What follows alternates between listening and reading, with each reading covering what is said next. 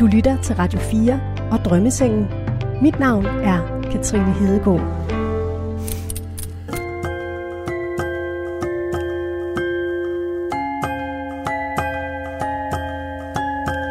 Så hvor ligger vi henne nu?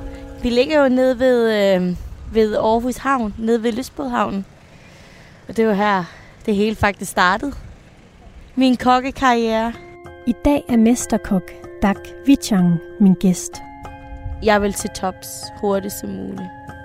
Og der var ikke rigtig noget, der kunne stå i vejen for det. Jeg er spændt på at se, om hun kan genkende sig selv i den personlighedstest, hun har fået lavet. Når jeg tager den kokkejagt på, så er jeg bare en anden en. Så er jeg bare køkkenchefen. Så er vi ikke hinandens bedste ven. Programmet har vi valgt at kalde Jeg hader, når folk lyver. Jeg kan slet ikke forstå, hvorfor man skal lyve. Heller ikke sådan nogle, sm- altså noget hvide løgne. Og hvis konsekvensen er, at hele korthuset falder sammen, så bliver jeg sur. Og episoden begynder her. Ej, Hov, nu fik du altså ikke det ene ben ud. er der mange? Og der var det. Ja, og, yes. og for at du kan få det ud, så skal du altså lige have den klappet helt sammen igen. og ud med den her. Ja. Bare tag plads. Du har fået en lille smoothie. Ja, det er Hvad smager dejligt. din af? Jordbær. Jordbær. Ja, det er lidt doven, de har jordbær. Er det det? Ja. Ja, du er jo en kritisk, kritisk forbruger. det punkt. velkommen til Drømmesengen. Tak. Også velkommen til dig, kære lytter. Dagvitchangen, Yes. født 13. september 1986 Yes. i Thailand. Flyttede som syvårig fra Thailand til Djed Mm. ved Vinderup i Vestjylland. Stjernekok og tidligere køkkenchef på den thailandske Michelin-restaurant Kin Kin. Opsag Mm. sin stilling der i 2021. Bor nu i Aarhus, er blevet mor og dommer i Masterchef. I tredje sæson, Bum. som du er i gang med at optage. Som er vi er i gang med at optage. Jeg har lige startet. Du har svaret på 240 spørgsmål. Yep. Hvordan var det for dig? Det er jo vildt. to, altså, der er faktisk ikke 240 spørgsmål. Det kan, det er godt tjep. Jeg synes også, de første gik hurtigt. Så begyndte man sådan mere at tænke over det. Ja. Og så gik det faktisk lidt langsomt. Altså, hvad stod der? Tager cirka 30-45 minutter, tror jeg, var de sagde. Ja. Altså, jeg brugte halv en time på det. Jeg fik også besked på nogen, at øh, altså, nu skal jeg til at svare, ikke? Fordi at, øh, Så du vil godt være grundig. ja, og min tanke går i gang, inden jeg svarer. Jeg er sådan, ja, Der er sket det, du har svaret på de her 240 spørgsmål, og så er der en psykolog, der hedder Charlotte Råby Jacobsen, som er mega skarp, som har skrevet tre hypo- eller fem hypoteser til mig, ja. ja. som alle sammen fortæller noget om, hvordan du opfatter dig selv. Og nu går vi i gang. Mm. Det første punkt, vi skal tale om, det er emotionelle reaktioner. Ja. Det handler om, hvordan du reagerer på dine følelser. Er du impulsiv? Meget. Hvornår er du det? Jamen, det, det er jeg faktisk ved mange ting. Det er for, at øh, jeg er blevet bedre, altså med alderen. Ikke at være så ul- impulsiv. Men jeg er sådan en, altså føler jeg for det, så gør jeg det. Det har også ført mig til der, hvor jeg er i dag. Altså, der er ikke noget af det, jeg sådan har gennemtænkt. Og gud skal lov, at det er gået godt. Øhm, Kan det nogle gange få nogle negative konsekvenser at være så impulsiv? det har det heldigvis, det er det, jeg siger. Det har det heldigvis ikke gjort endnu. Øhm, jo ældre jeg er blevet, jo mere varsom er jeg, for jeg ved, der er konsekvenser. Jeg tænker mere over konsekvenserne. Øhm, men øh, altså, so far so good. Der har aldrig været Der, noget. nej, nej. Hvad med dengang, hvor du flækkede øjenbrynet på en mand? Jamen det var jo, hvor jeg tænkte, det, det, det fortryder jeg jo ikke. Det, han stoppede jo ikke. Hvad var det, der skete? Jamen det var jo, at vi var i byen. Øh, en flok veninder, ja, vi var hvad, de 17, 18, 19 år gamle. Og der var en gruppe mænd, der var ældre end os, og de har fulgt os hele vejen. Øhm, og så var det, du ved, så råbte de alt muligt. De var selvfølgelig blevet fulde, og vi sagde, at hvis, altså, nu var det nok. Nok var nok, og nu gad vi ikke høre mere på det. Øhm, og det bliver så ved, de bliver så ved. Og så er der en af, af de her mænd, der griber fat i min arm, og så vender jeg mig om, og så svinger jeg min taske. Og så flækker jeg hans øjenbryn. Fordi jeg har nogle glas i min taske. Det er jo, altså, det er jo selvforsvar for mig. Det er jo ikke noget... Ender med så, at øh, han vil melde mig til politiet. Øh, frem og tilbage, og der stod jo en masse folk. Og det endte så med, at han ikke gjorde det, fordi han ved jo godt, at det var du lidt selv udenom, Marker. Hvad med i forhold til dem, du arbejder sammen med? Hmm, Får du nogle, altså nogle gange sådan nogle pludselige indfald selvfølgelig. eller udfald? Ud, jamen, det gør det da. Jeg har jo Indfald været... udfald.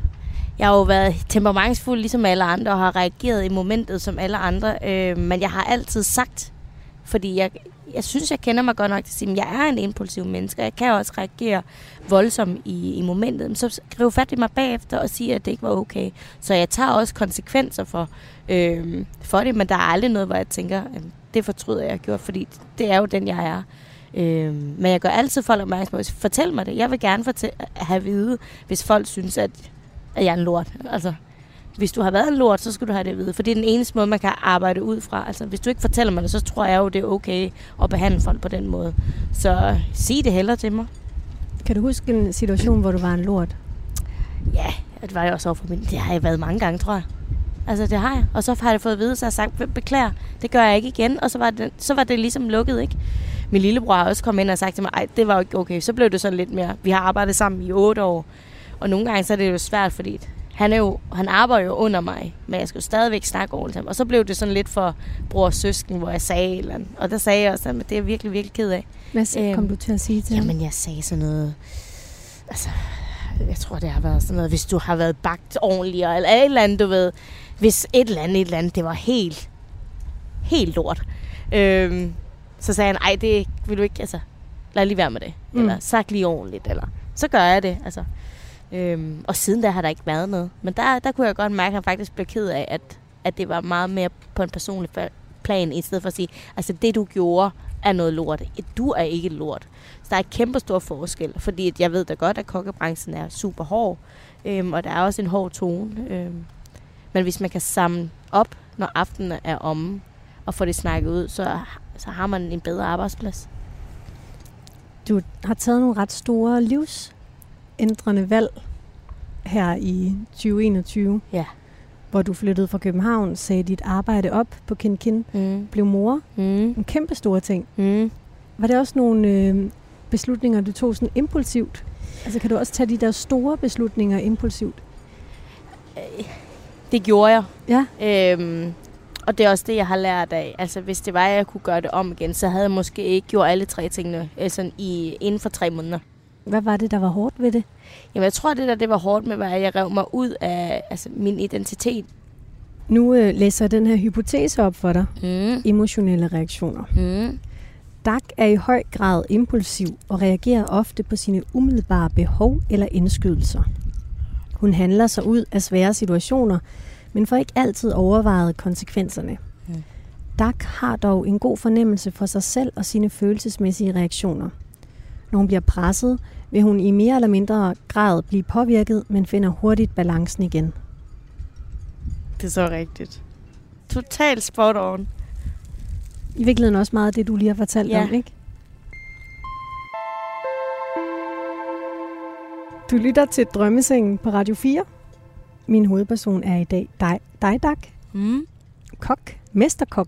Mesterkok. Vi ligger her på havnen i Aarhus med en smoothie i baggården til din, øh, det sted, du blev udlært, mm. Brødrene Kok, som ligger lige her ved siden af, Yes. bag ved os. Vi er nået til det punkt, der hedder ekstroversion. Ja. Det handler om den mængde energi, du retter udad mod dine omgivelser og dit behov for at blive stimuleret udefra. Mm. Hvordan tror du, andre opfatter dig, når du træder ind i et rum? Sød og smilende, tror jeg. Jeg tror, folk ser mig som sådan et øh, så lyserød candyfloss, der går ind. Der er rigtig mange, der ikke tror, jeg kan blive sur. Altså, medmindre man har været i mit køkken. Eller kender mig rigtig godt. Hvad kan du blive sur over i dit køkken? At folk lyver. Jeg hader, når folk lyver. Jeg kan slet ikke forstå, hvorfor man skal lyve. Heller ikke sådan nogle, sm- altså noget hvide løgne. Hvad Nej. kan det være? Jamen, det kan være, du ved, har du fået det gjort? Så siger det, ja, ja, og så kan man bare se dem styrt ned den anden ende af køkkenet. Hvorfor det gjort? Så sig nu bare, du ikke har gjort det. Det er 10 gange nemmere, jeg skal nok finde ud af det. Altså, det er sådan små ting. Øhm, ja. Men bliver du ikke sur uanset hvad? Om Nej, så sagde, jeg- at de nej. ikke havde gjort det? Hvis du er ærlig over for mig, så siger jeg, "Jamen, så bliver jeg bare sådan, ej, det er ærgerligt, men nu får vi det gjort. Men hvis du lyver om det, så har jeg ikke en, en chance. Og hvis konsekvensen er, at hele korthuset er faldet sammen, så bliver jeg sur. Hvorfor er det der med at lyve noget, der gør dig ikke, eller sådan særligt sur? Fordi jeg synes, det er unødvendigt. Ja. Jeg synes, det er unødvendigt at lyve. Jeg kan, jeg kan ikke se, hvad, at der kommer ikke noget godt af at lyve. Jeg har ikke bare lyst til, at de ting, vi gør, folder sig ud i noget, der er godt. Så jeg kan simpelthen ikke, jeg kan ikke sætte mig... Ja, jeg har virkelig svært ved at sætte mig ind i det. Det er måske også, også nogle hvide løgn. Måske skulle jeg nogle gange selv lige, du ved... Hvis en veninde spørger, om man ser for tyk ud i de her bukser, så skulle man måske bare sige nej. Men så er det sådan lidt, det er jo bjørnetjeneste. Hvis jeg ikke gør det som veninde, jamen så kigger alle og tænker måske, de der bukser, de sidder måske lige lidt for stramme på dig. Så hellere komme fra et, fra, fra et øh, varmt og kærligt sted, øh, end det kommer udefra som et eller andet spydende kommentar. Den tror jeg, vi vender lidt tilbage til. Hvordan vil du beskrive dit eget aktivitetsniveau? Kæmpe højt. Kæmpe højt. Jeg kan jo ikke sidde stille. Jeg, øh, og jeg kan heller ikke lide at sidde stille. Jeg føler mig restløs. Øh, jeg prøver nu her, hvor jeg er blevet ældre, faktisk prøver på at sige til mig selv, nu sætter du dig, for eksempel som i dag, hvis det var, at jeg ikke skulle noget, så sagt mig, nu sætter du dig ned øh, i gårdhaven, i en stol, med en podcast i øret, og så gør du ikke noget. Du arbejder ikke, du sidder ikke og designer et eller andet ret, du sidder ikke og svarer på e-mail, du sidder bare. Og der skal jeg have en timer på, så jeg ved, at jeg har en, en ende. For hvis det ikke har det, så kan jeg ikke være i min krop, så ved jeg om 20 minutter, så må jeg gerne igen. Ja. Agtigt, ja. Hvordan har du det med at skulle lave interview sådan liggende her på en Ej, drømmeseng? Jamen, der er jeg jo i gang med noget. Ja. Så det Hovedet kan jeg sagt. Jeg hovedet er i gang, og jeg, du ved, det gør mig ikke noget. Kan andre følge med? Nogle gange ikke. Jeg tror, Nej. nogle gange, altså min kæreste er rigtig god til at sige til mig, nu bliver du nødt til lige at trække vejret. Hvordan endte du som Michelin-kok? Det er faktisk helt tilfældigt. At jeg har, er endt her, hvor jeg er i dag, sådan rent karrieremæssigt, er totalt det der med at være impuls. Det, altså det der med, at jeg har bare... Jeg tog kokkeuddannelse, fordi min mor tvang mig til at tage en, en uddannelse. Hun kommer fra, hun er thailander, og børnene skal have en uddannelse. Så jeg tænkte, madlavning, det kan jeg finde ud af. Jeg egner ikke til gymnasie eller handelsskole, som alle andre. Så det starter. Og så fik jeg en øh, prøvevagt hos Jesper og Michael. Og jeg havde faktisk ikke en anelse, hvad det var. De sagde, "Jamen, du må gerne starte. Min Første første var brødrene kok. hos Brødrene Kok, ja. Øhm, min første vagt var, hvad var det, 16 timer. Og jeg tænkte, fedt, jeg er i gang. Hold det fast. Jeg var i gang. Det var fedt. Og så sagde de, "Jamen, du kan, ga- du kan starte på mandag. Tænkte jeg, fedt, jeg har et arbejde. Uden at vide, hvad de stod for, eller hvad madanmeldte var. Og så kom det så lidt efter lidt, de der tre måneders prøve, så fandt jeg jo ligesom ud af, at det ikke bare var en kokkeuddannelse, jeg var i gang med hos dem. Det var ligesom, hvis jeg ville blive til noget, så kunne de få mig frem. Så besluttede jeg faktisk der, at jeg ville til tops hurtigst som muligt. Og der var ikke rigtig noget, der kunne stå i vejen for det. Og så knoklede jeg bare og knoklede, og så endte jeg på kende, fordi at, øh, det var asiatisk, og det, lå så, det var det, jeg gerne ville med mad. Og øh, så startede jeg der, som kok helt ny- nyudlært. Ender så to år senere at blive køkkenchef. Fordi at der var nogen, der blev gravid, og så var der nogen, der skulle til Bangkok, og så stod han der og spurgte, vil du have den? Vil du have hatten? Så sagde jeg, nej, det vil jeg faktisk ikke. Så sagde han, er du sikker? Så siger jeg, det kommer an på, hvad det indebar. Hvis det indebar, at jeg skulle sidde for en computer, så var det helt forkert person, for det, det, ville, det kan jeg ikke, det egner jeg ikke til overhovedet. Men hvis du skulle have en, der styrede køkkenet, og sådan, øh, så tog jeg den gerne. Så har vi ja, 11 år. Sådan, han styrede alle det økonomiske. Fortalte, hvad jeg måtte, hvad jeg ikke måtte, sådan rent økonomisk. Og her er der en regnark, og jeg bare kunne få lov til at lave mad. Så det har været en fed, en fed stilling. Og så åndede jeg levede det jo, altså seks dage om ugen, og kørt på. Oplevede du dig selv som en dygtig, god leder? Nej, Nej. Overhovedet ikke. Overhovedet ikke. Det kan jeg sagtens sidde nu og, og sige, nej, nej, nej. Jeg synes, altså som 25 år at få noget, så det er også det der med, at jeg sagde ja til noget, jeg rent faktisk ikke vidste, hvad indebar. Det der med at beholde Michelin, så hvad indebar det? Var jeg så, altså, var jeg chef? Kunne jeg være kollega? Altså, hvad er jeg i forhold til det? Nej, nej. Nu læser jeg den her ekstroversion op for dig. Dak kan mærkes og bringer oftest en positiv energi med sig. Hun har let til latter og smil og er god til at få sat skub i tingene. Hun har et meget højt aktivitetsniveau og sidder meget sjældent stille, hvilket kan virke noget hæsblæsende på andre. Hun har nemt ved at gå forrest og trives bedst i andres selskab. Mm. Helt rigtigt. Jeg kan slet ikke være i mit eget selskab. Kan du ikke det? Nej, det er noget, jeg har skulle lære mig selv. Hvorfor Rigtig. kan du ikke det? for meget. Det larmer for meget, tror jeg. Hvad larmer? Altså tanker. Du ved, så sidder jeg, så tænker jeg alt for meget over dit og dutten og datten, og så bliver jeg sådan helt... Og jeg kan godt være alene i et større mængde, for der er stadigvæk en masse energi øhm, og mennesker. Men det der med bare at sidde hjemme i lejligheden og strikke og sådan noget. Jeg troede også, da jeg blev mor, jeg skulle være hende, der sad og lavede sæbe eller strikket eller et eller andet og bare hygge. For nu har jeg jo ligesom haft nærmest 20 år, hvor jeg bare løb rigtig stærkt. Jeg kunne slet ikke være i det. Er der nogle tanker, du flygter fra? Der er ubehagelige, siden mm. det fylder for meget? Nej, men jeg tror det der med, at jeg, jeg, jeg hvad skal man sige, jeg second guesser alting. Det der med, at jeg hele tiden vil være 110 og ikke 100. Så hvis jeg sidder i min egen hoved og er helt alene, så bliver jeg ved, så presser jeg mig selv endnu mere. Og på et eller andet tidspunkt, så, så kan man jo ikke mere. Så jeg tror, det er lige så meget for lige at, at få en pause fra min, mit eget øh, vanvid. Øh, Hvad kunne det være? Et eksempel? Jamen det kan jo altså også arbejdsmæssigt. Altså lige nu her, at sidde og, og at gennemse alle, du ved, alle sæsonerne og se, okay, hvordan bliver jeg bedre? Jeg vil gerne være det bedste, jeg kan være i det, jeg laver. I Masterchef. I Masterchef, lige præcis. Jeg er jo ikke, jeg er jo ikke uddannet overhovedet værts eller noget. Jeg er uddannet kok. Jeg hader at spille andre folks tid. Også det der med ikke at være dygtig. Altså, hvad er det dygtigste, jeg kan være, så det er det hele gider. Øhm, det gør alting meget nemmere øh, for alle. Øhm, så hvis jeg sidder for meget med, så gennemtænker jeg. Og så har jeg bare fundet ud af med tiden. Jo mere jeg gennemtænker ting, jo mere øh, fuck er det faktisk op. Fordi jeg er så impulsiv et menneske. Øh, det der med at stille op til konkurrence. De konkurrencer, jeg har vundet, altså jeg har aldrig øvet på det. Aldrig. Og andre jo flere, altså flere måneder. Altså vild med dans, øvede du da ikke der? Jo, men det er fordi, jeg var tvunget til det. Ja. Men jeg øvede mig kun i lokalerne. Jeg øvede mig ikke derhjemme. Og du blev alligevel nummer 4. Ja, det gjorde jeg. Det var sgu Det skulle man ikke tro, men det gjorde jeg.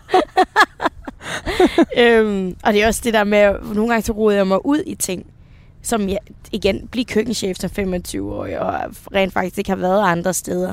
De fleste har været ude og oplevet og prøvet så mange køkkener, inden de overhovedet tør at tage den der stilling. Jeg gør det bare. Men når jeg først har sagt A til noget, så vil jeg også bevise over for folk, at jeg ikke bare er en one-hit wonder. I'm here to stay. Så den pres ligger jeg også på mig selv. Øhm, og det er måske konsekvensen af at være så spontan som jeg er. Det er, at man siger ja til... Altså, du gaber måske lige lidt, øh, lidt for høj over æblet, men jeg skal nok sørge for, at den bliver tykket og sunket. Altså, øh, når jeg først har sagt ja til noget, så, så er det 110, og så løber jeg gerne med skyklapper. Og det er måske også derfor, jeg har ventet så længe med at blive mor og alt muligt andet i mit liv. Ikke? Så hvis man satte dig ned alene på en øde ø, hvad vil du så lave?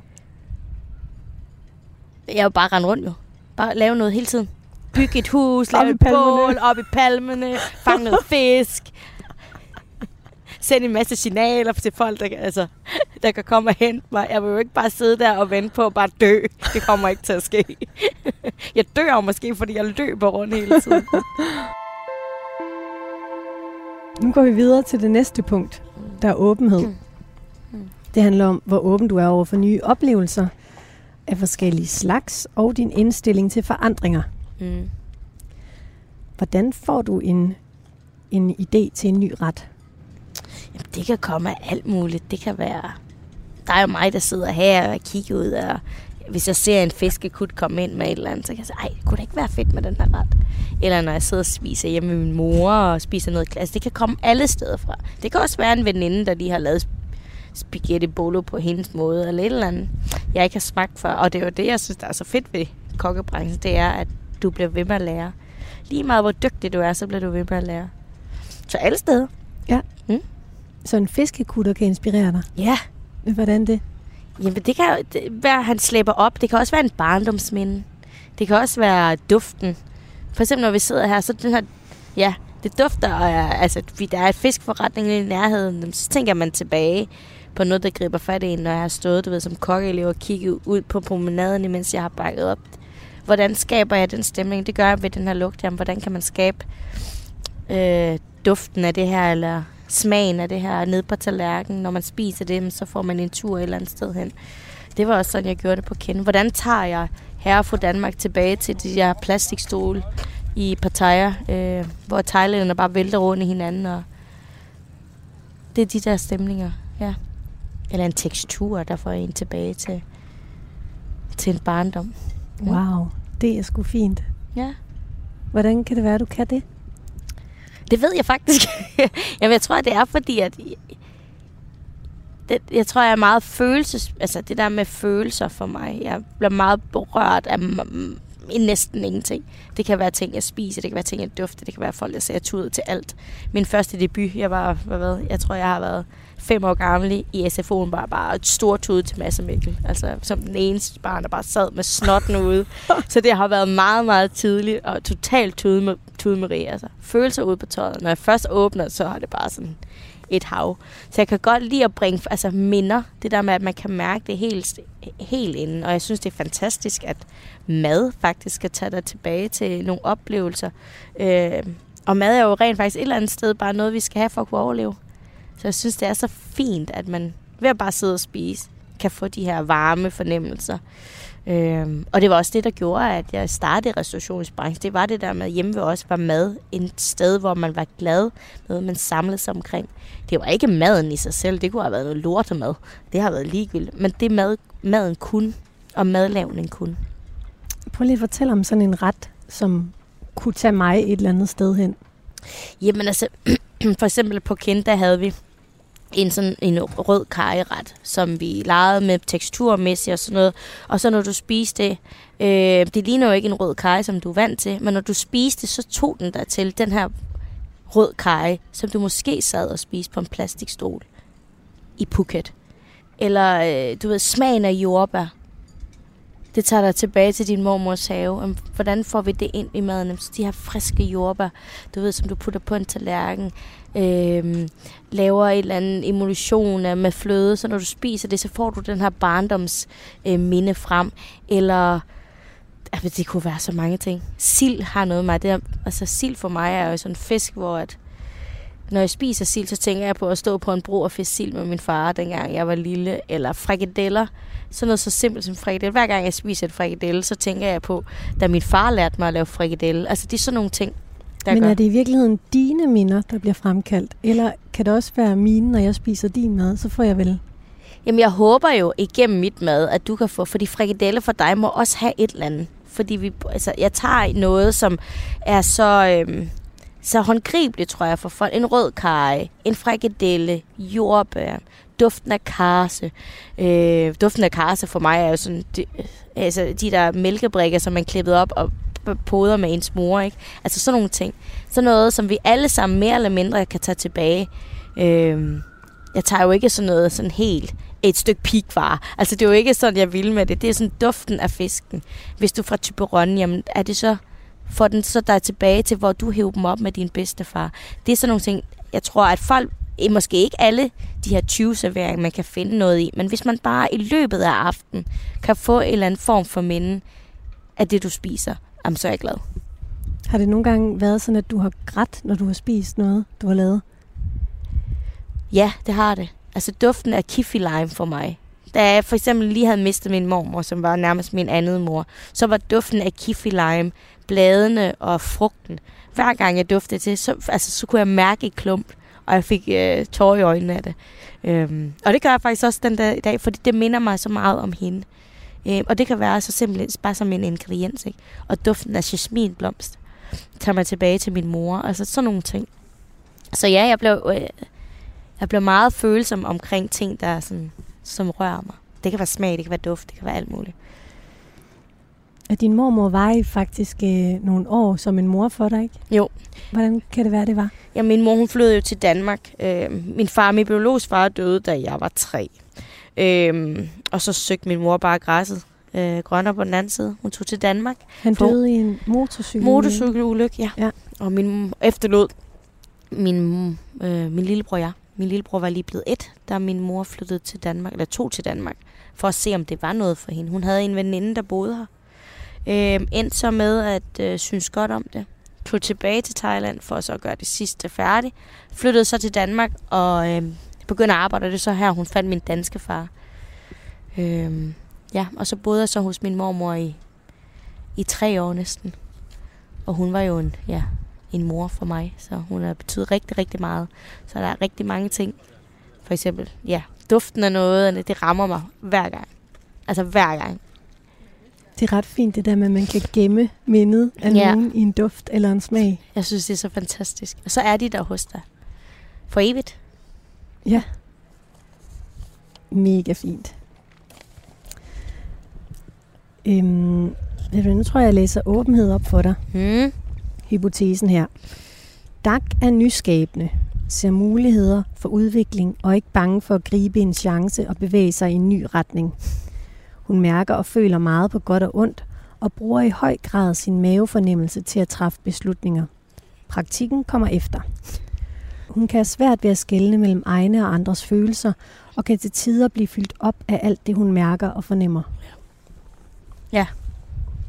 Og det er ikke altid fedt. Hvornår er det ikke fedt? Jamen det er, når, det, når der er meget. Så, så, skal man, altså, så skal jeg bruge utrolig meget energi på at, hvad hedder det, øh, undertrykke det, så det ikke fylder så meget. Og så er det det der med at være i sit eget hoved. Så det er lige så meget det. Fordi jeg fodrer af folk. Både god og dårlig energi, altså alt, hvad der er. Og så når det bliver for meget, så skal, så skal jeg bare lige ud, ud af mit eget hoved. Så det kan godt være... øh, Men jeg synes også, det er en fed ting at have. At kunne mærke så meget. Det er vel også det, der gør, at du er en branddygtig kok. Det tænker jeg. Ja. Eftersom jeg aldrig nogensinde havde en drøm om at skulle blive kok. Du kan trylle de her retter, retter frem, der giver, skaber følelser og stemninger. Ja. Hvordan er det i et køkken? Der er jo også utrolig mange følelser, må der være. Meget. Med ting, de sådan spidset til. Meget. Men det er jo der... Jeg er meget... Altså, når jeg først tager min kokkejakke på... For, folk siger det faktisk tit op til mig. Når jeg tager min kokkejakke på, så bliver jeg lidt en anden. Hvem bliver du så? Ja, så bliver jeg hende, der er den altså meget firkantet og meget... Altså, sådan her, sådan her, sådan her, sådan løbestærk. Og så når jeg tager kokkejakken af, så kan jeg godt mærke, og det er også derfor, jeg altid gør opmærksom på, lad os lige sætte os ned og snakke om det, fordi jeg selv er sådan meget, når, når vi smeder, så smeder vi. Og hvis det går for hurtigt, jamen så lad os snakke om det. Øhm, Jeg er glad for, at du har taget træ- træningstøj på i dag, så. ja, og ikke kokkejakke. og ikke kokkejakken på. Nej, min kokkejakke, så kan jeg også næ- næsten nemmere styre mine følelser, faktisk. Det er sgu smart. Ja. Skål, Dak. Skål. Nu er det bare hyggeligt at ligge her Meget sammen med dig. hyggeligt og varmt. Det er super Altså, jeg varmt. kampkoger. Du har også lige været ude at træne. Jeg har været trænet, og bare ingen solcreme. Ej. Ingenting, bare koger bare. Vil du ind, at vi rykker i skyggen? Nej, det ved du hvad, jeg vender bare ryggen til. Okay, Det var sådan her. Ja. Ah, så er det noget andet. så får du også Så bevæget dig jeg- lidt. Det er præcis. Og du drikker en Dawn. En dawn. Men De jordbærsæsonen er jo slut. Man skal ja. stoppe med at bruge dem. Stop. Stop. Du lytter til Drømmesengen. Vi ligger på Løsbådhavnen i Aarhus. Der er Mhm. mig, Dak, Yes. og nu er vi nået til punktet venlighed. Det handler... Nu griner du. Ja. Hvorfor det? Fordi den godt dele vandene. Fordi jeg netop også, altså, når jeg har min kokkejakke på, og jeg ikke har min kokkejakke på. Ah, er faktisk en af dem, der var lidt spændende. sværere. Ja. Ja. Det handler om den rolle, du påtager dig i relation til andre mennesker, Mm. og hvor modtagelig du er over for andres opfattelser. Mm, hvordan har du det med konkurrencer? Lidt ambivalent. Jeg kan godt lide at konkurrere. Altså, jeg er kæmpe konkurrencemenneske. Når jeg først siger ja til det, så vil jeg vinde. Og jeg gør næsten alt for at vinde. Ikke snyde, men det er tæt på. Ja. men jeg stiller aldrig op til konkurrence. Fordi jeg simpelthen... Jeg presser mig selv for meget. Altså. Så jeg er næsten ikke stillet op i noget. Fordi jeg ved, at jeg vil... Øh, altså, jeg vil gøre alt for at vinde. Og nogle gange så er det også at køre mig selv ned for at vinde. Så det er lidt... Øh, ja. Hvordan, altså, hvornår, hvordan foregår det, når du kører dig selv ned? Jamen, det er det der med at stresse omkring det for meget. Du siger, at nogle gange vil du vinde så meget, at du godt kan finde på at snyde os. Ja, det kunne jeg godt. Hva- Hvordan? Altså ikke, altså, jeg har aldrig snydt, men det der med, okay, finde loophullet til, hvor at man kan blive bedre. Hvis jeg ved, at de gør det her. Altså det der med at grave i, at hvordan er du blevet så god, som du er blevet. Jeg ved ikke, om det er at snyde, Det vil ikke at snyde. Nej, eller ringe rundt altså, til folk. Okay, hvor er? Det vil jeg også have. Det vil bare være taktisk, er det ikke? Ja, taktisk, jo. Jeg kunne aldrig finde på at brække en arm på en for. Du siger, du kan ikke finde på at brække en arm, men hvordan bliver du i en konkurrencesituation? Jeg synes godt, man må synes, man er lidt fed en gang imellem. Altså, hvis man har arbejdet hårdt for det, hvis man ikke er kommet sovende til tingene, så synes jeg godt, man lige må slå sig selv i brystkassen og sige, men der er selvfølgelig en stopknap. Altså, og det, den synes jeg også godt, jeg ved, hvor jeg er. Men jeg synes godt, man må, må klappe sig selv på skulderen, når det er. Og lige name drop sig selv, hvis det er, man lige skal have et bord et eller andet sted. Så det gør du. Det gør jeg nu, ja. Jeg skal nok få mit bord. Så kommer du foran i køen Ja. på de gode Michelin Ja, lige præcis. Er det at snyde? Det er et meget godt trick. Hvis nu man lader sin stemme lidt om. det er det. Hvad kan provokere dig? Når folk lyver. Ja. Eller når folk virkelig bare vil have ret. Og når de ved et eller andet sted, de ikke har ret. Ja. Det kan også. Eller behandler folk dårligt. Hader, når folk behandler folk dårligt. Det der med, at vi, vi burde være det klogeste øh, mammals, der er. Pattedyr, der findes. Altså, vi er jo nærmest det dummeste, når man nogle gange, hvor man tænker, selv dyr behandler ikke engang hinanden så dårligt. Jeg kan blive så... Altså, det gør ondt. Hvad, hvad kunne være at behandle nogen dårligt? Jamen, det er, du ved... Sp- når man går forbi en hjemløs, og man bare, du ved, bare sparker rundt med dem, eller, du ved, bare behandler dem dårligt. Der er ingen grund til at behandle folk dårligt. Øhm, Hvad gør du så? altså, så råber jeg op. Hvis jeg ser sådan noget, så råber jeg op. Der lukker jeg ikke munden. Det synes jeg ikke. Altså, hvis jeg ser, at folk bliver behandlet dårligt, så siger jeg det. Og gør noget ved det. Altså, så må jeg tage konsekvenserne bagefter. Mm. Øhm, men det er jo den her impulsiv. Jeg kan simpelthen ikke have det. I tog og i busser. Ikke kan snakke pænt til hinanden. Så Snak pænt. Hvis man sidder, du ved, på en plads og derinde. Så der er ingen grund til at snakke grimt. Men man må godt snakke grimt i et køkken. Jamen det, ja, men det er også derfor, jeg gør opmærksom på, jeg kan måske godt blive ved, men du skal sige det til mig. Jeg gør dem så meget opmærksom på det. Du skal ikke se, hvis jeg er over stregen, så sig det til mig. Når jeg tager den kokkejagt på, så er jeg bare en anden en. Så er jeg bare køkkenchefen.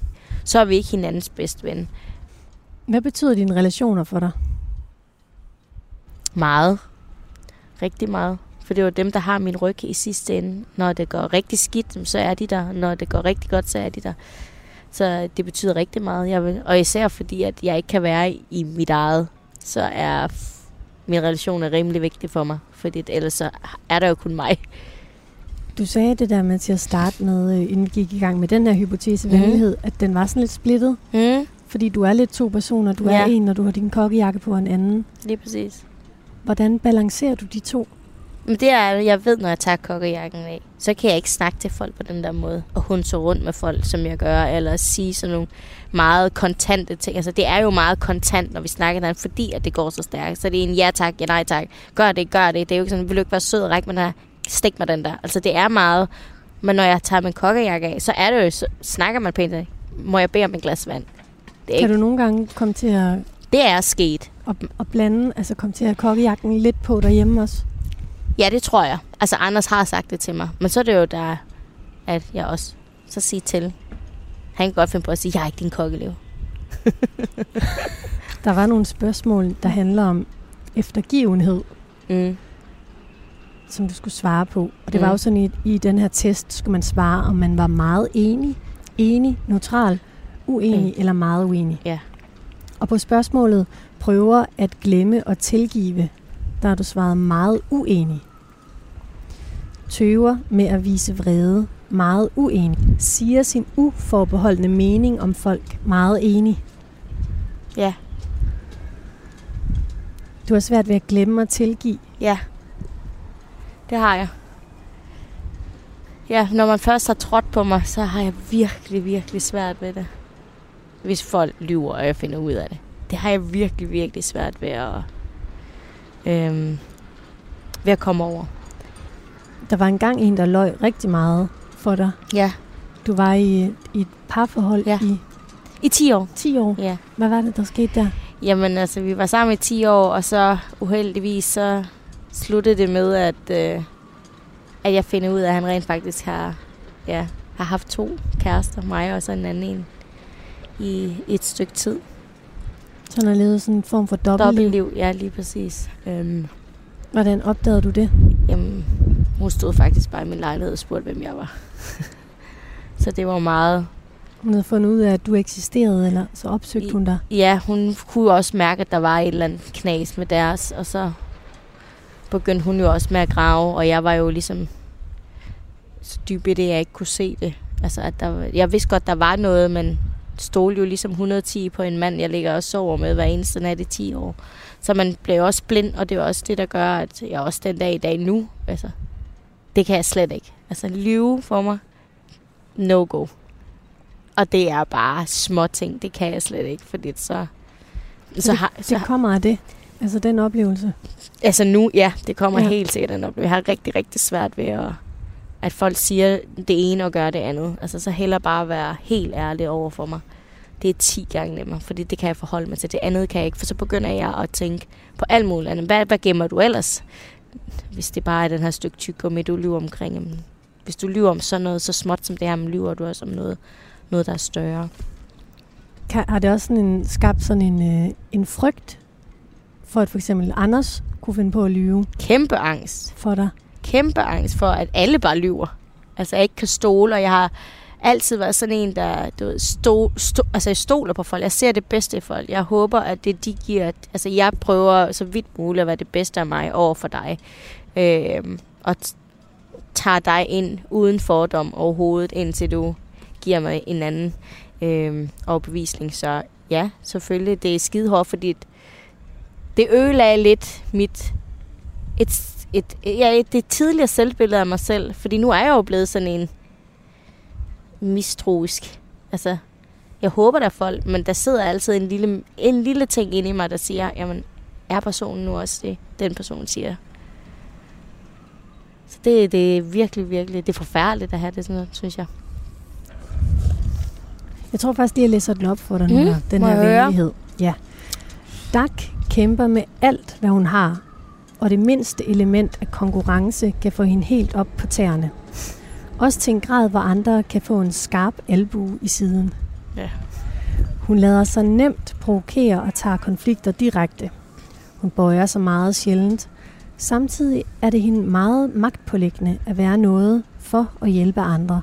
Hun har tillid til mennesker omkring sig Mm. og sympati for dem, der har det svært. Mm.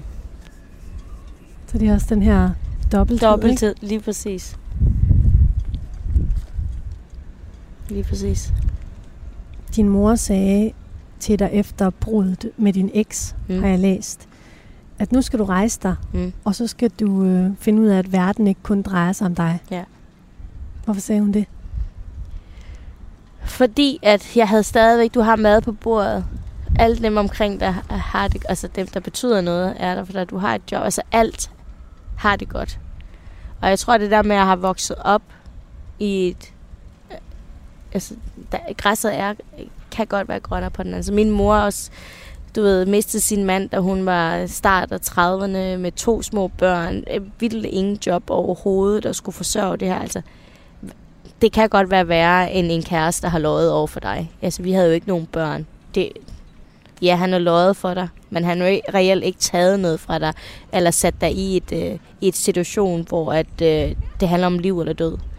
Øhm, og min mor er sådan en, ja, altså selvfølgelig var hun også ked af, men nok var også nok. Nu skal du rejse dig op fra det her træ, du væltede, og så fremad. Se fremad. Hjælp det dig, at hun sagde det. Er du sindssyg, mand?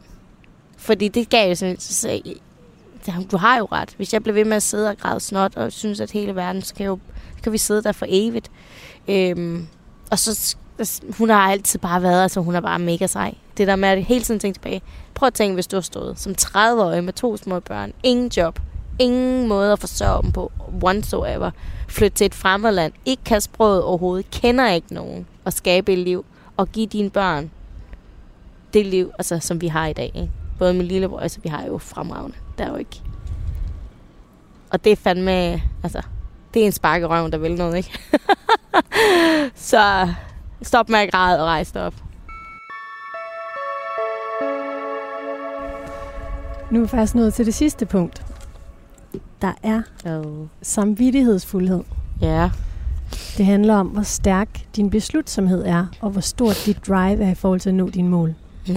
Og det har vi jo været lidt inde på. Mm.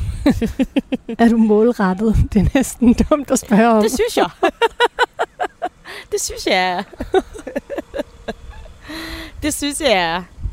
Men hvis det ikke er noget, der interesserer mig, så når jeg aldrig det mål. Altså, jeg er sådan en... Jeg er sådan... Folk siger det der med, at du bliver, hvad du kan. Nej, hvad, du kan, hvad du vil. Det er sådan noget, det er rigtigt.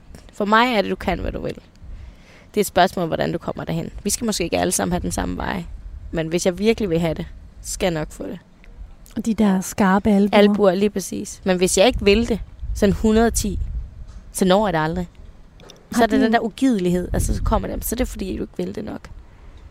Er din lykke og dine mål nogle gange på bekostning af andre?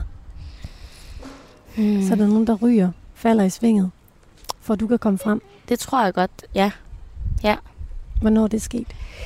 Jamen altså, de beslutninger, der for eksempel er taget, altså hvis, hvis man ikke er et stærkt menneske selv, altså op imod mig, så kan man sagtens bare forsvinde i mit, øh, i min, i mit tomrum. Fordi at jeg er så viljestærk, som jeg er. Øhm, altså, før i tiden, altså med min ekskæreste, var der, nu flytter du til Aarhus, for nu står jeg i lærer her. Nu flytter vi til København, fordi nu har jeg fået det, og nu arbejder jeg de her timer. Altså det var meget, fordi jeg havde mit mål. Jeg vil nå til top så hurtigt som muligt. Og det var jo mit mål helt fra dengang jeg var 17. Så hvis det er, at man ikke selv siger stop, eller fortæller mig, at det ikke er, at det ikke er rigtigt det her gang, men så kører jeg bare. Mm. Da du som 25-årig blev ansat som køkkenchef på Kin Kin, der havde restauranten allerede en stjerne. Ja. Altså, du var også inde på det tidligere, Mm. det må være et kæmpe pres Kæmpe hver pres. dag at gå på arbejde og ligesom skulle levere til Michelin. Kæmpe standard. pres. Kæmpe pres. Også fordi det ikke var mit. Det var, jeg tror, det har været noget andet. Det var jo ikke... Stjernen var jo ikke øh, en, jeg har skabt. Det var en, jeg skulle bibeholde. Og om det skulle være på min vagt, at øh, vi skal miste den. It ain't gonna happen. Og det var full on. Altså, det var 13-14 timers vagter i 6 dage i rap. Og så havde jeg lige søndagen, ikke, hvor jeg lige kunne trække vejret. Altså kørte jeg bare igen. Havde jo ikke en eneste fridag. Øhm, og det blev så et. Det var også derfor, at jeg måske ikke var den verdens bedste chef. Men jeg gjorde mit job. Det var ikke på min vagt. Man ved jo godt, hvem det er, lorten falder på, hvis det er, at, øh, at der går noget galt. Det vil jo altid være mig i føretrøjen. Så det skulle ikke ske, om jeg så skulle løbe selv. Øhm, Ja, du forsvarede den i 10 år, jeg har forsvaret den i 10 år, ja. hver dag. Hver dag. Shit. Og jeg er færdig. Det er fedt at have været der, men jeg kan også se noget i bagspejlet. Når man sidder sådan lidt, hold kæft, mand. Jeg er done. Fordi jeg, jeg, vil, jeg er typen, der ikke kan... Jeg kan ikke give 100. Jeg kan kun give 110. Og 110 betyder jeg bare, at jeg tilsidesætter alt. Så på den måde var det også måske let for din kæreste at have et dobbeltliv. Lige kan man sige præcis. det? Det er jo det. Ja. Altså, jeg ved jo godt, hvor roden til alt ondt starter. At det undskylder jo ikke det, han gjorde overhovedet, men jeg ved jo godt, hvorfor. Det var jo fordi, at jeg bare løb. Der er nogle kokke, altså har jeg hørt og læst, at Mm. hvis de mister sådan en stjerne der, så kan de finde på at tage de, deres eget liv. Altså det er så betydningsfuldt. Var, er det, var det sådan på en måde liv og død for dig at bevare den der stjerne? I hvert fald karrieremæssigt var det for mig. Jeg havde jo sagt, hvis Gud må forbyde, at den skulle tages fra mig, eller øh, mens jeg var på Hvad jamen, så, sku, så skulle jeg stoppe. Så ville jeg ikke arbejde som kok ever igen. Altså, det var min beslutning. Jeg vil aldrig nogensinde lave mad igen. Hvorfor? Fordi så havde jeg, for mig, så, så havde jeg ikke gjort det godt nok. Så var det ikke 110. Hvem er det, du præsterer for? For mig selv. Og så tror jeg også, det er lige så meget for andres syn på mig. Det er lige så meget der. Tror jeg, ja. Hvorfor er det vigtigt? Fordi jeg ikke vil være til grin. Altså det der med, at jeg gider ikke at være til grin. Jeg vil, jeg vil være det bedste, jeg kan være. Har du prøvet at være til grin? Nej, men den følelse vil jeg aldrig nogensinde. Hvorfor? Et, et, jeg tror ikke, det er en rar følelse. Jeg tror simpelthen ikke, det er en rar følelse. Og, men også det der med, at hvis man ved, at man ikke har gjort det 110, og man får en rap over fingrene over det, jamen så har man så sløset. Jeg havde altså det der med at sløse igennem ting. Hvorfor ikke gøre dit bedste? Øhm, det kan jeg heller ikke. Det er heller ikke mig. Du har udtalt en gang, at øh, da din mor besøgte Kin Kin, mm. altså Michelin-restauranten, for første gang, det var værre, end ja. øh, når Michelin-guiden var på Fy. besøg. Hvorfor det? Fy. Det der med, at hun har opgivet så meget for, at jeg kan gøre det her. Og min mor har altid været modstander af, at jeg skulle være kok. Altså kæmpe modstander. Hun så bare mig, jeg ved sgu ikke, være advokat eller eller andet. Men det var også, du ved, nu hun ligesom taget sine børn til Danmark, han akademisk uddannelse og blive til noget meget Asian. Øhm, og jeg vil bare ikke have en akademisk uddannelse. Jeg vil bare... Og jeg var jo ikke den skarpe kniv i skuffen overhovedet. Altså rent boglig, det er jeg overhovedet ikke. Øhm, så jeg vidste jo godt et eller andet sted, jeg ikke kan blive læge. Øh, fordi de heller ikke sagde mig noget, at det kampen ville være for sej. Øhm, så jeg havde også det der med, at jeg skulle bevise min mor, selvom jeg har valgt den her vej, så kan man altså godt blive til noget. Så det var lige så meget det, tror jeg. Øhm, lige så meget hende, jeg gerne vil bevise. Og så sidder hun der og skal spise mit mad, mand. Fordi at, jeg tror, jeg havde arbejdet på Kenny i fem år, hvor hun ikke har været der endnu. Hvor hun forstod ikke, hvad fanden det var, jeg lavede. Altså sådan, det var ikke, du ved, så viser jeg hende billeder, og så var det, ej, det ligner det ikke, sådan noget. Prøv at fortælle mig om den dag. Jamen, det var frygteligt. Hvad skete der? Min, øh, min mor og min far, de skulle holde jul øh, i København, som min lillebror og jeg. Og så havde vi så bestilt bord, om de kunne komme og spise dagen før, inden vi lukkede ned. Vi lukkede ned den 23. Og det var bare, altså, det var ligesom at have Michelin øh, på besøg. Alt blev sådan helt flueknippet. Og du ved, jeg skulle have smagt alt før. Jeg skulle ind og servere til. Jeg skulle i hvert fald ikke have nogen andre til at servere ved det der bord, for det er bedst, de fucker det op, ikke? Øh, og jeg sad bare hele aftenen og var sådan lidt, og min mor, hun er bare, altså, hun har en pokerface, der siger spar fem. Jeg kunne slet ikke læse hende hele aften. På et tidspunkt, så siger hun til mig, det her, det er jo ikke, det er kaj, det her, det er jo ikke en rød kaj. Og jeg blev sådan lidt, fuck. Og så sagde jeg til prøv at spise den her kaj. Og så kan du fortælle mig bagefter, hvad du synes om den. Men du skal lige have ja-hatten på. Jeg var også meget sådan, du bliver nødt til at tage ja-hatten på. Det er ikke thai-mad, som du kender det. Det er thai-mad en anden. Se om det ikke smager som det her. Og så jo mere hun fik spist, og jo mere...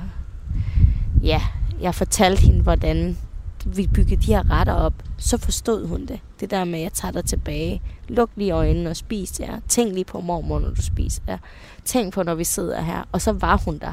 Så sagde jeg sådan, det er det, jeg gerne vil med det. Så sagde, sagde hun, og det er sådan meget, jeg ved ikke, om det er jysk, eller om det er thai, men hendes var bare, nå, jamen, så er det meget godt. Det tager jeg som en kæmpe stor klap for Det er faktisk det eneste, hun nogensinde har sagt. Så sagde hun, nå. For så forstod hun det, da hun sad i stolen og spiste maden. Og da hun sagde det der, nå, nu forstår jeg det. Så var der, yes, det var det, jeg ville. Jeg tror ikke, hun er svær at imponere. Jeg tror bare, hun, hun, hun er... Min mor, altså forhold til mig, jeg har alle følelserne ude på tøjet. Min mor, hun har ingen følelse på tøjet overhovedet. Så det er meget svært for hende at, at vise, at hun er stolt Altså, i mit opvækst, der blev jeg aldrig nogensinde sagt, at jeg elskede dig. Vi krammede ikke hinanden overhovedet. Det var først i mine 20'er, vi begyndte med at kramme hinanden derhjemme, ikke? Og nu krammer vi jo hele tiden hinanden. Så det var også det der med at bryde igennem. Det hele stammer jo af, hvad, hvad hun har været igennem, ikke? Og hun vil jo det bedste for os. Og i Thailand, det bedste er jo at få en akademisk uddannelse. Bare køre ind med, du ved, øh, penge. Øh, kæmpestor bil, kæmpestor hus. Det var det, der gjorde, fordi det var et sikkerhedsnet for dem derude. Men i Danmark, altså, der skal jo rigtig, rigtig, rigtig meget til, før vi ikke har tag over hovedet og mad på bordet. Så vi starter jo ligesom et helt andet sted. Hvad for en mor vil du gerne selv være? Sådan en som min egen mor. Men det er jeg slet ikke. Jeg tænker for meget. Alt for meget over hvor god en mor jeg gerne vil være, tror jeg. Fordi at hun er så god. Altså, jeg synes, min mor, hun er sådan fantastisk. Jeg bliver helt rørt at snakke om min mor. Min mor, hun er sådan en fantastisk mor. Og hvad hun har gjort.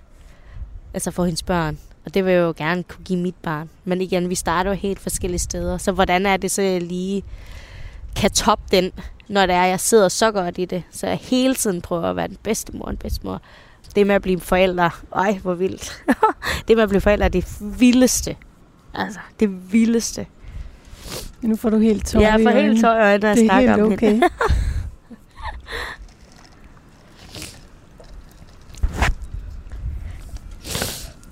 Skål. Skål.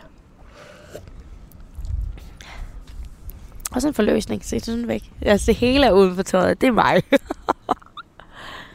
det er vildt at blive mor. Altså, crazy vildt. Og jeg synes selv, at jeg har haft et vildt liv. Og... Men det her, det er det vildeste, jeg nogensinde. Og jeg synes ikke, jeg er en pyller. Ikke når man har, du ved, arbejdet i kokkebranchen på det niveau, så synes jeg, at man er rimelig hårdført og rimelig tykt ud. Men det med at blive mor, man, det tager, det, alting praller bare af en. Og så er man bare totalt smør, altså. Hvad er det, der er vildt ved det?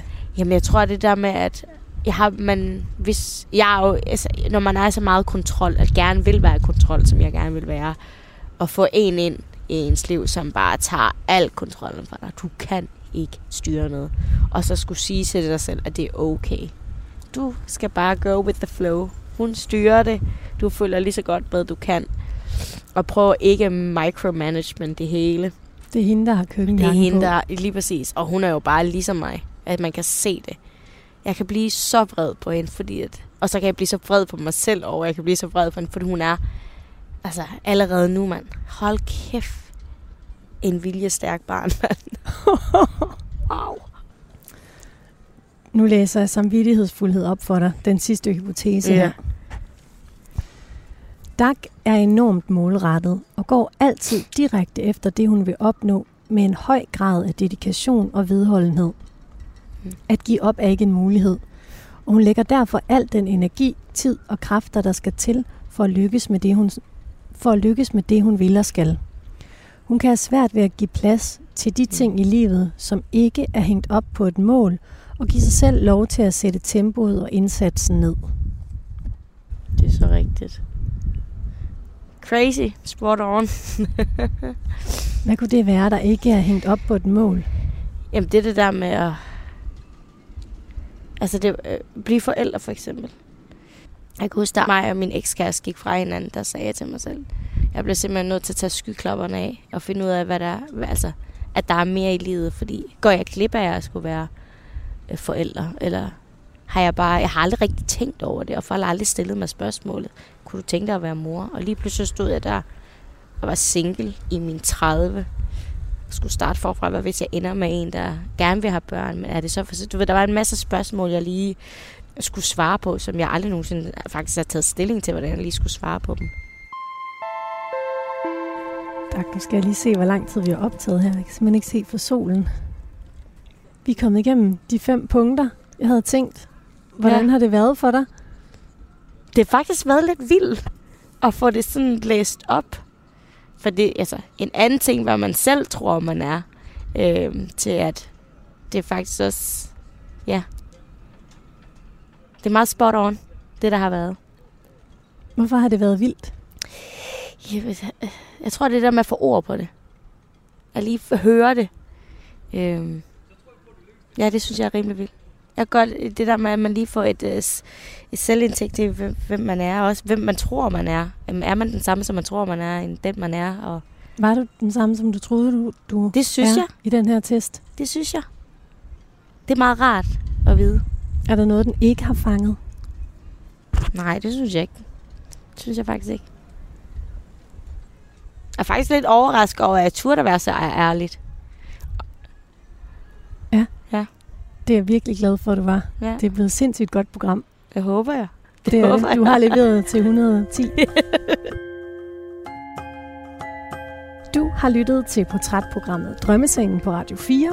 Min gæst var i dag dig, Mr. Kok. Tak. Og så skal jeg lade være med at tænke over dit efternavn. Får jeg sige det igen? Vichangen. Tak, Vichang. Yes. Den skarpe programpsykolog var som altid Charlotte Råby Jacobsen. I redaktionen sidder researcher Gitte Smedemark og redaktør Gry Brun Mathisen. Mit navn er Katrine Hedegaard. Tusind tak til dig, Dag. Tak fordi jeg måtte. tak til dig, kære lytter, fordi du lyttede med. Så må du gerne rejse dig. Bum, bum. Så pakker vi dem sammen. Uh.